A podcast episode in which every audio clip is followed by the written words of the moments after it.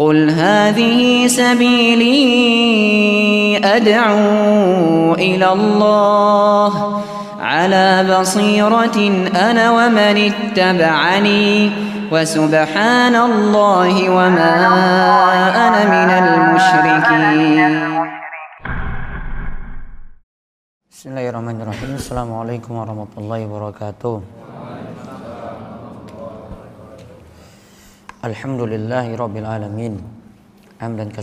Tayyiban barakan fi kama yuhibbu rabbuna wa yarda. Wa asyhadu an la ilaha illallah wahdahu la syarika la wa asyhadu anna Muhammadan abduhu wa rasuluh.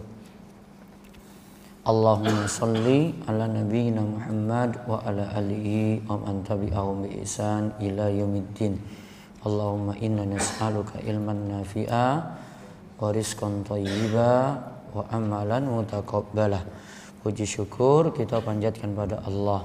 Salawat dan salam mungkin-mungkin tercurah pada junjungan kita Nabi besar Nabi Agung Muhammad sallallahu alaihi wasallam. Baik, Para jamaah sekalian, kita subuh hari ini dini hari menjelang subuh di waktu sahur kembali duduk untuk membahas kitab Bulughul Maram karya Imam Ibnu Hajar Al-Asqalani masih tentang tata cara sholat. Kita lanjut hadis 294. Saya bacakan hadisnya dari Wa'il bin Hujr. Ia berkata, "Shalaitu ma'an Nabi sallallahu alaihi wasallam fa wadda'a yadahu al-yumna ala yadihi al-yusra ala sadrihi."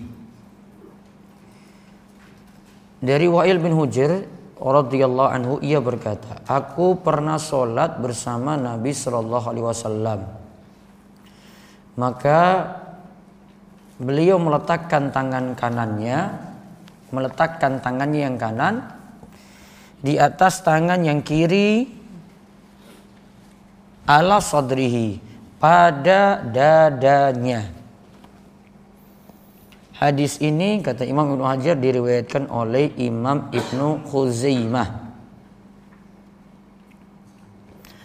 Di catatan takhrij hadis ini diriwayatkan oleh Ibnu Imam Ibnu Khuzaimah dan Baihaqi dari jalur Muammal bin Ismail. Hadatsana Sufyan dari Asim bin Kulaib Al-Jurmi. Hadatsani Abi dari Wa'il bin Hujir bin Hujir. Lantas disebutkanlah hadis tadi.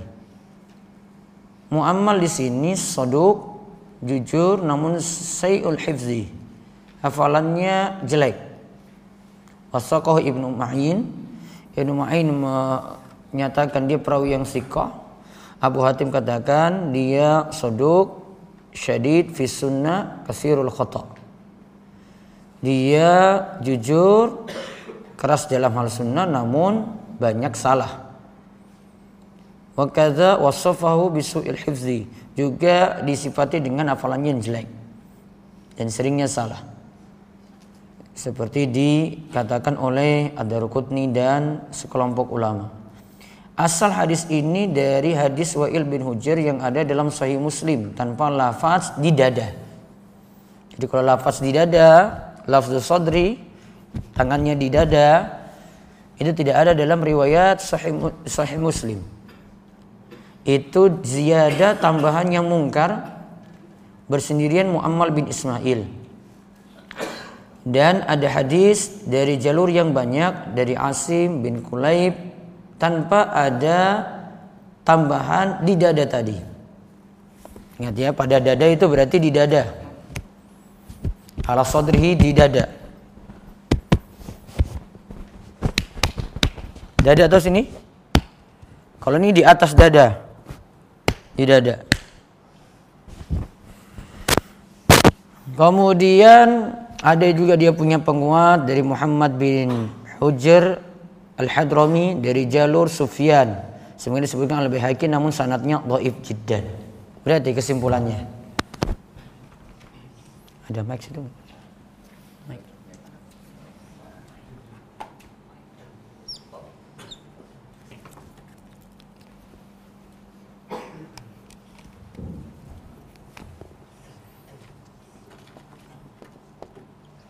Hadis yang sahih menjelaskan tentang meletakkan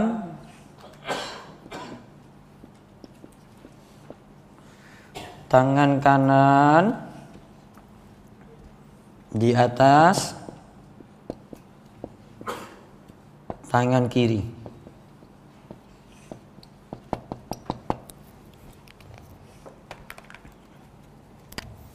Ya, ini yang sahih.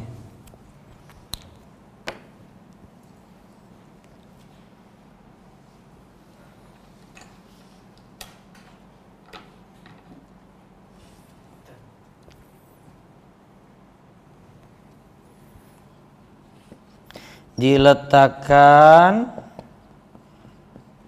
saat posisi berdiri dalam sholat.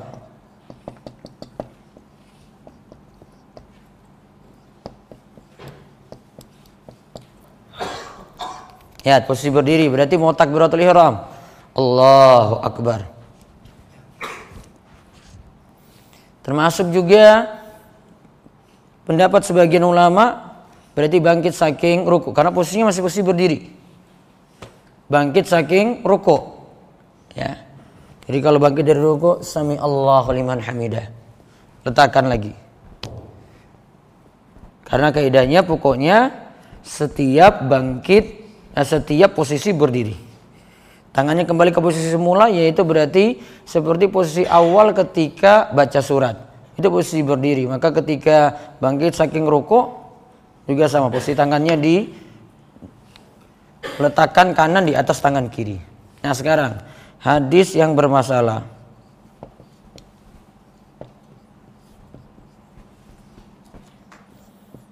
Hadis yang doif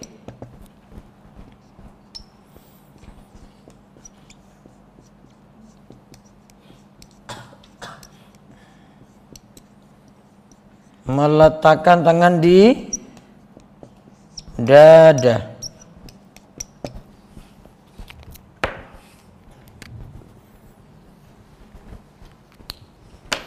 Hadisnya doif.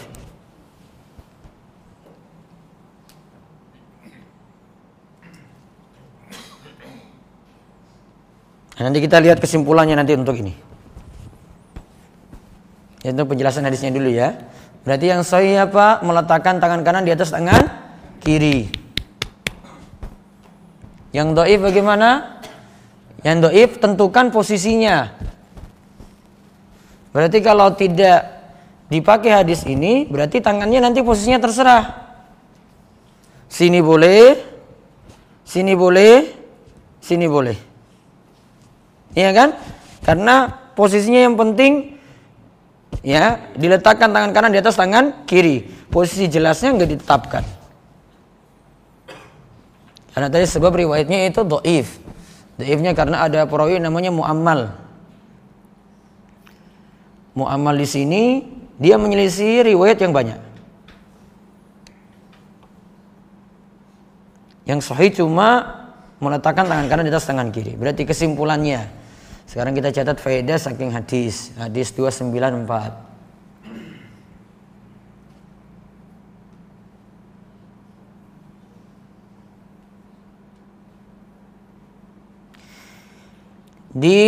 Dianjurkan meletakkan tangan kanan di atas tangan kiri. Dianjurkan meletakkan tangan kanan di atas tangan kiri pada saat berdiri dalam sholat. Pada saat berdiri dalam sholat.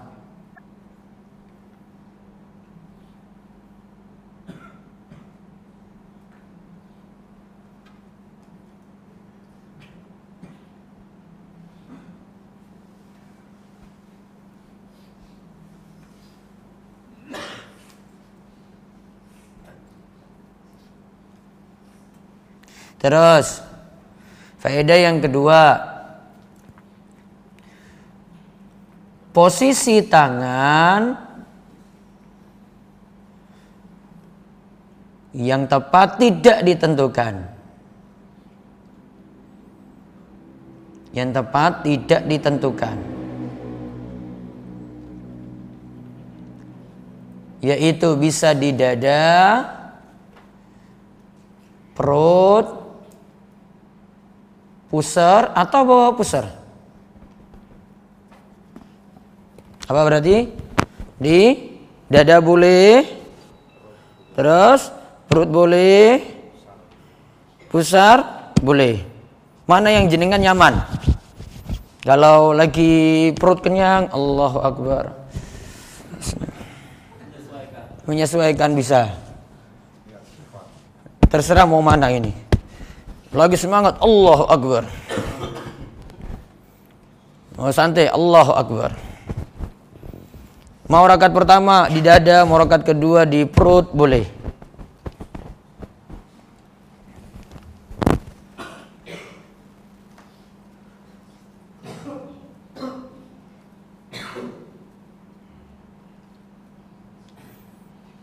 Terus faedah yang berikutnya lagi. Melakukan sadel.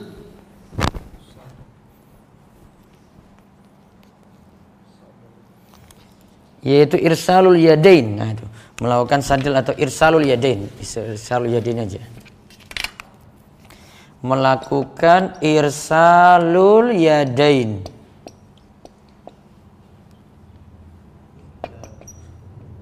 Tangan dilepas tidak sedekap.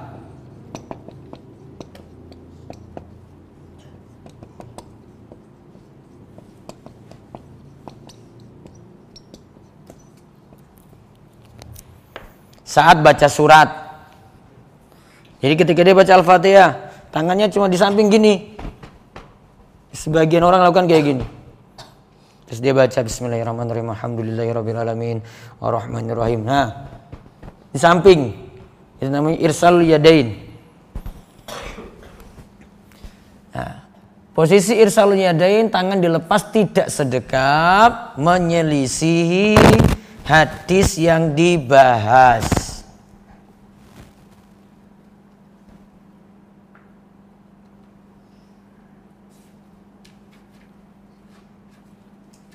menyelisihi hadis yang kita bahas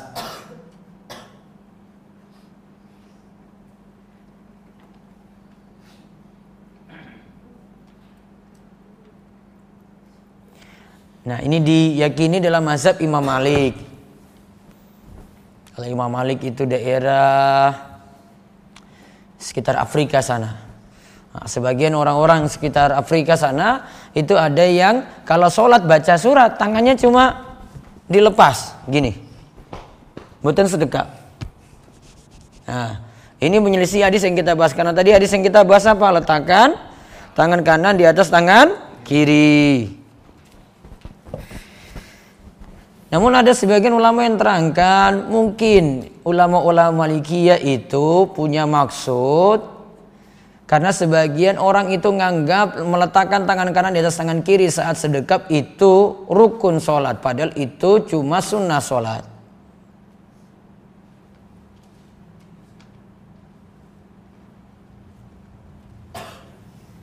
Namun yang tepat tetap dipraktekkan sedekap tadi meletakkan tangan kanan di atas tangan kiri. Kalau irsalul yadain itu tidak dituntunkan.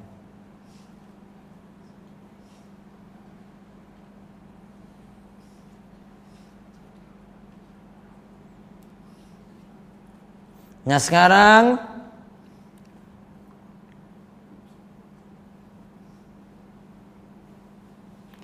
Posisi tangannya sekarang.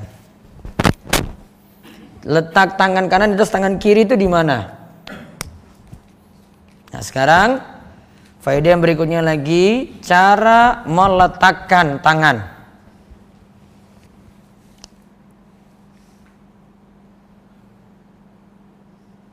Satu,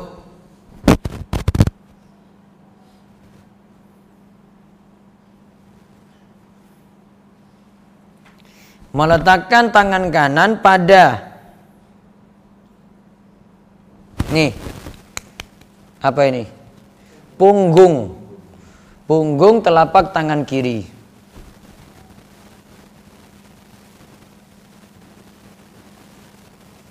Dua, meletakkan tangan kanan pada ini pergelangan. Pergelangan tangan kiri.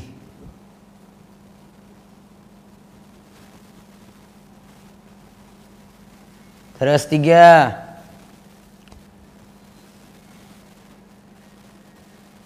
meletakkan tangan kanan pada lengan. Tangan kiri.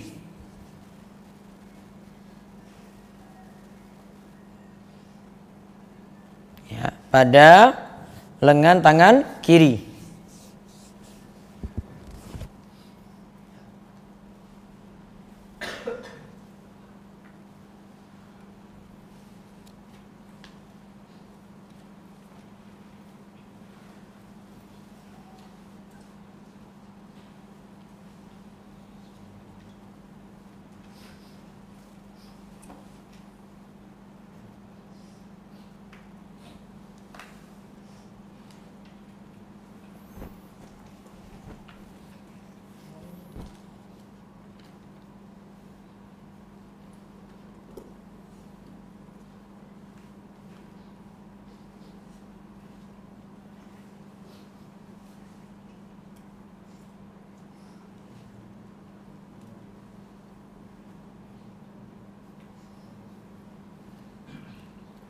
Terus yang berikutnya lagi. Berarti tadi ada tiga posisi ya. Ini terserah pilih yang mana. Bisa di punggung, pergelangan, lengan.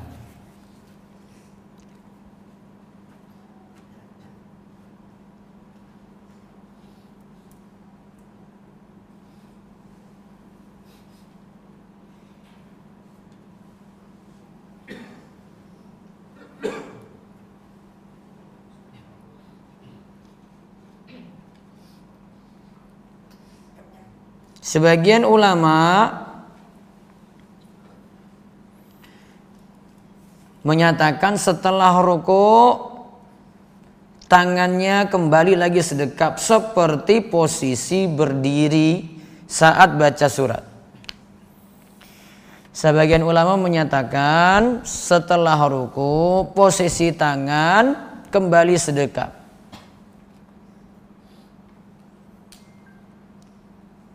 Seperti posisi berdiri saat baca surat.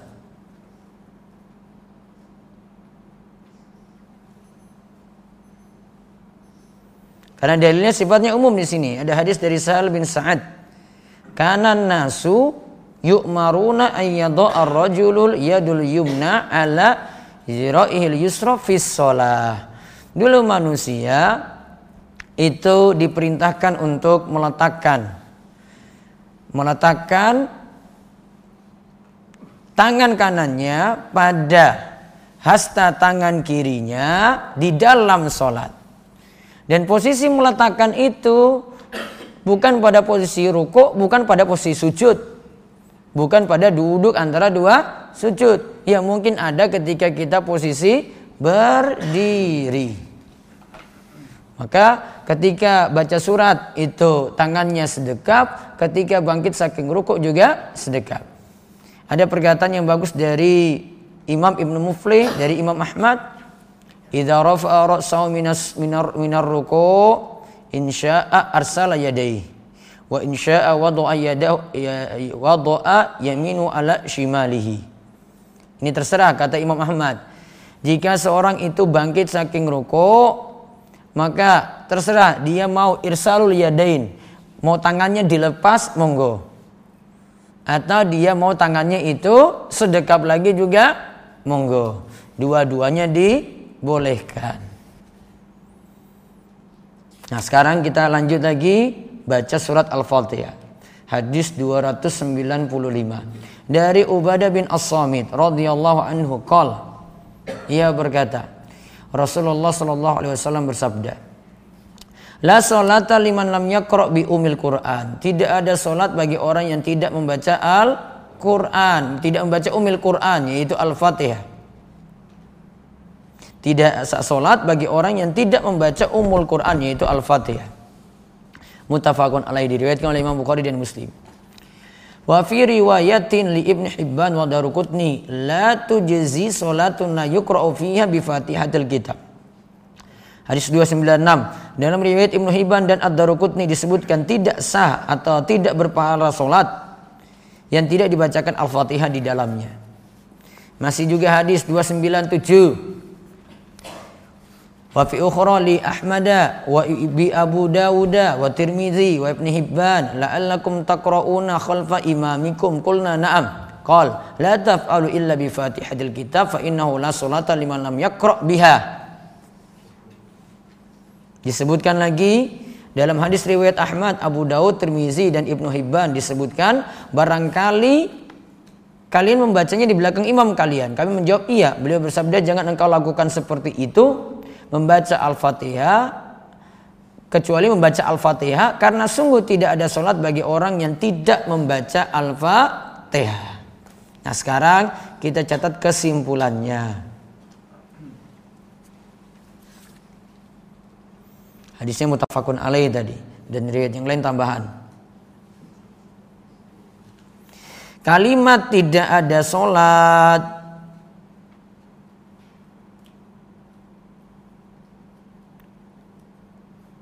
Artinya tidak sah sholatnya. Kalimat tidak ada sholat dalam hadis yang kita bahas artinya tidak sah sholatnya.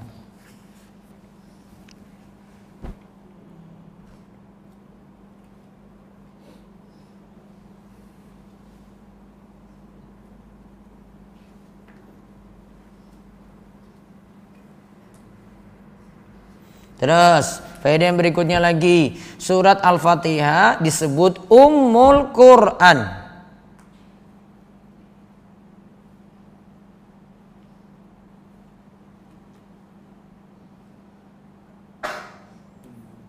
Disebut Ummul Quran, induknya Al-Quran. Sama seperti ummu atau ibu, ya. Kalau ummu itu dicari-cari, bukan bapaknya yang dicari-cari kalau lagi nangis kan? Iya kan? Bapak apa ibunya dulu? Kalau anaknya ingin sesuatu, ibunya dulu. Dicari-cari dulu. Maka kalau mulai sholat yang jadi pembuka Al-Fatihah dulu, nggak bisa yang lainnya. Dia dicari dulu, berarti dia yang ada duluan. Jadi kan baca Al-Ikhlas sampai seribu kali dalam sholat tidak baca Al-Fatihah, sholatnya tidak sah. Terus faedah yang berikutnya lagi, nama lain lagi Al-Fatihah adalah Fatihatul Kitab. Fatihatul Kitab.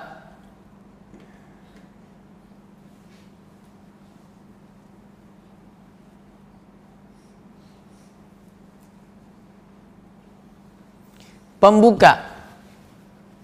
Artinya pembuka Al-Quran. Kalau tadi umul Quran, induk Al-Quran. Berarti dicari-cari semuanya itu. Artinya seluruh makna dalam Al-Quran kembali pada Al-Fatihah. Kalau pembuka Al-Quran berarti baca ini baru baca Al-Quran itu sah.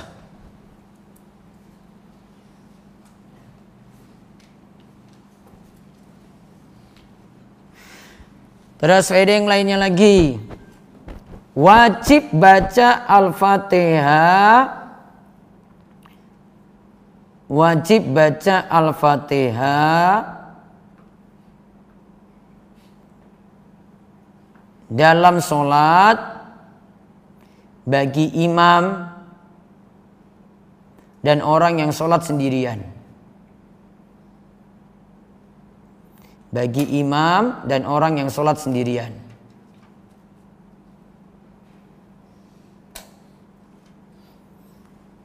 Dan wajibnya ini disepakati oleh empat mazhab. Wajibnya ini disepakati oleh empat mazhab.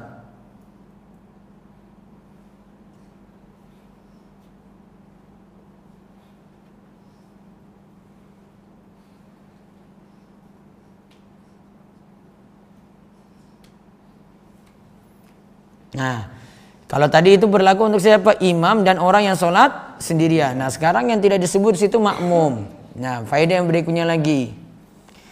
Terdapat perbedaan ulama tentang wajibnya membaca Al-Fatihah bagi makmum.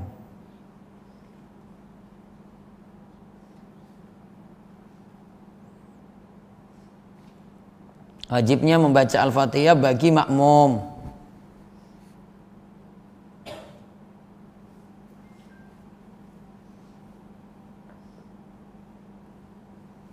Sebagian ulama mengatakan wajib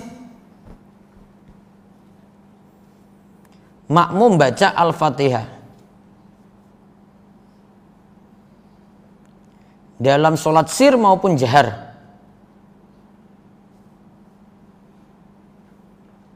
dalam sholat sir maupun jahar.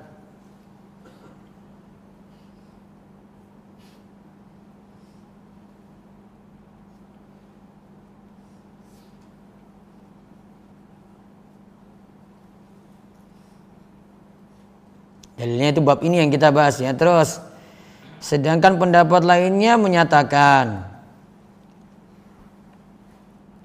sedangkan pendapat lainnya menyatakan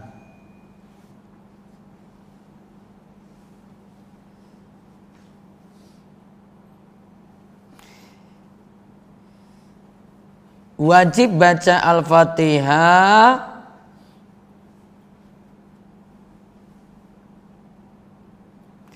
wajib baca Al-Fatihah bagi makmum dalam sholat sir saja. Dalam sholat sir saja. Berarti zuhur dan asar. Tidak pada sholat jahar. Tidak pada sholat jahar.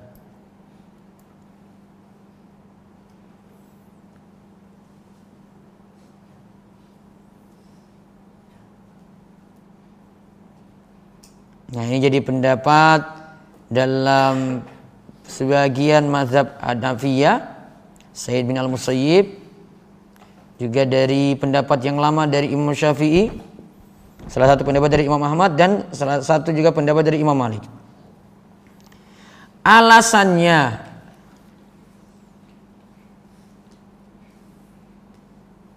satu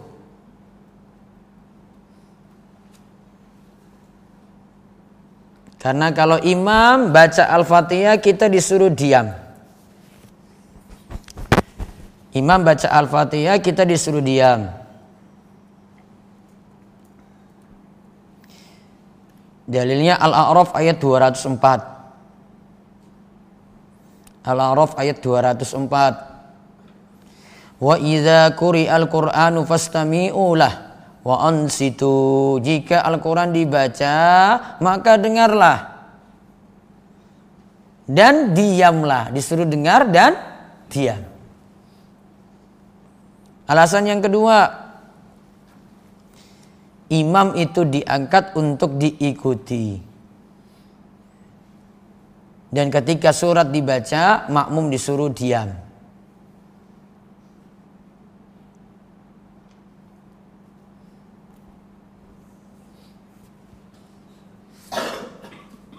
Dan ketika surat dibaca, makmum disuruh apa? Diam. Dan juga ini berdalil dengan hadis Abu Hurairah. Ini ceritanya. Ada dalam solat jahar Rasulullah SAW ketika itu menjaharkan bacaan. Kemudian Nabi tanya, hal koro amai ahadu minkum anifan. Siapa yang baca surat Al-Fatihah di antara kalian tadi? Kemudian ada orang katakan, Naam ya Rasulullah, saya wahai Rasulullah. Kemudian Rasulullah SAW menjawab, Ini aku mali unazil Quran. Aku katakan jangan kalian menyaingi Al-Quran. Maka ketika itu fatahan nasu anil qira'ah ma Rasulullah fi ma jara fi Nabi sallallahu bil qira'ah min salawati hina sami'u zalika min Rasulillah sallallahu alaihi wasallam. Maka orang-orang akhirnya berhenti membaca bareng Rasulullah sallallahu alaihi wasallam yaitu baca Al-Fatihah tadi ketika sholatnya jahar. Ketika mereka mendengar hal itu dari Nabi sallallahu alaihi wasallam. Dan pendapat yang kedua tadi insya Allah yang lebih kuat dalam hal ini. Berarti makmum untuk sholat jahar cukup dengar. Kalau sholat sir seperti apa? Sholat zuhur, asar atau sholat isya rokat tiga dan keempat. Maghrib rokat ketiga. Maka ketika itu baru dia baca al-fatihah. Wallahu alam bisawab. Berarti pembahasan kita yang pertama posisi tangan J. Tangan kanan diletakkan di atas tangan kiri. Posisinya terserah. Ya, tidak ditentukan. Terus yang kedua tentang permasalahan Al-Fatihah itu masuk rukun sholat wajib dibaca saat sholat. Tidak dibaca, tidak dibaca maka sholatnya tidak sah. Ini bagi imam dan orang yang sholat sendirian. Sedangkan bagi makmum, kesimpulannya bacaan imam jadi bacaan makmum maka berlaku untuk sholat sir saja untuk baca Al-Fatihah. Kalau sholatnya jahar tidak perlu mengulang Al-Fatihah. Cukup dengarkan imam. Wallahu alam bisawab. Kita masih ada satu pertemuan pekan depan insya Allah. Ada pertanyaan? Hmm.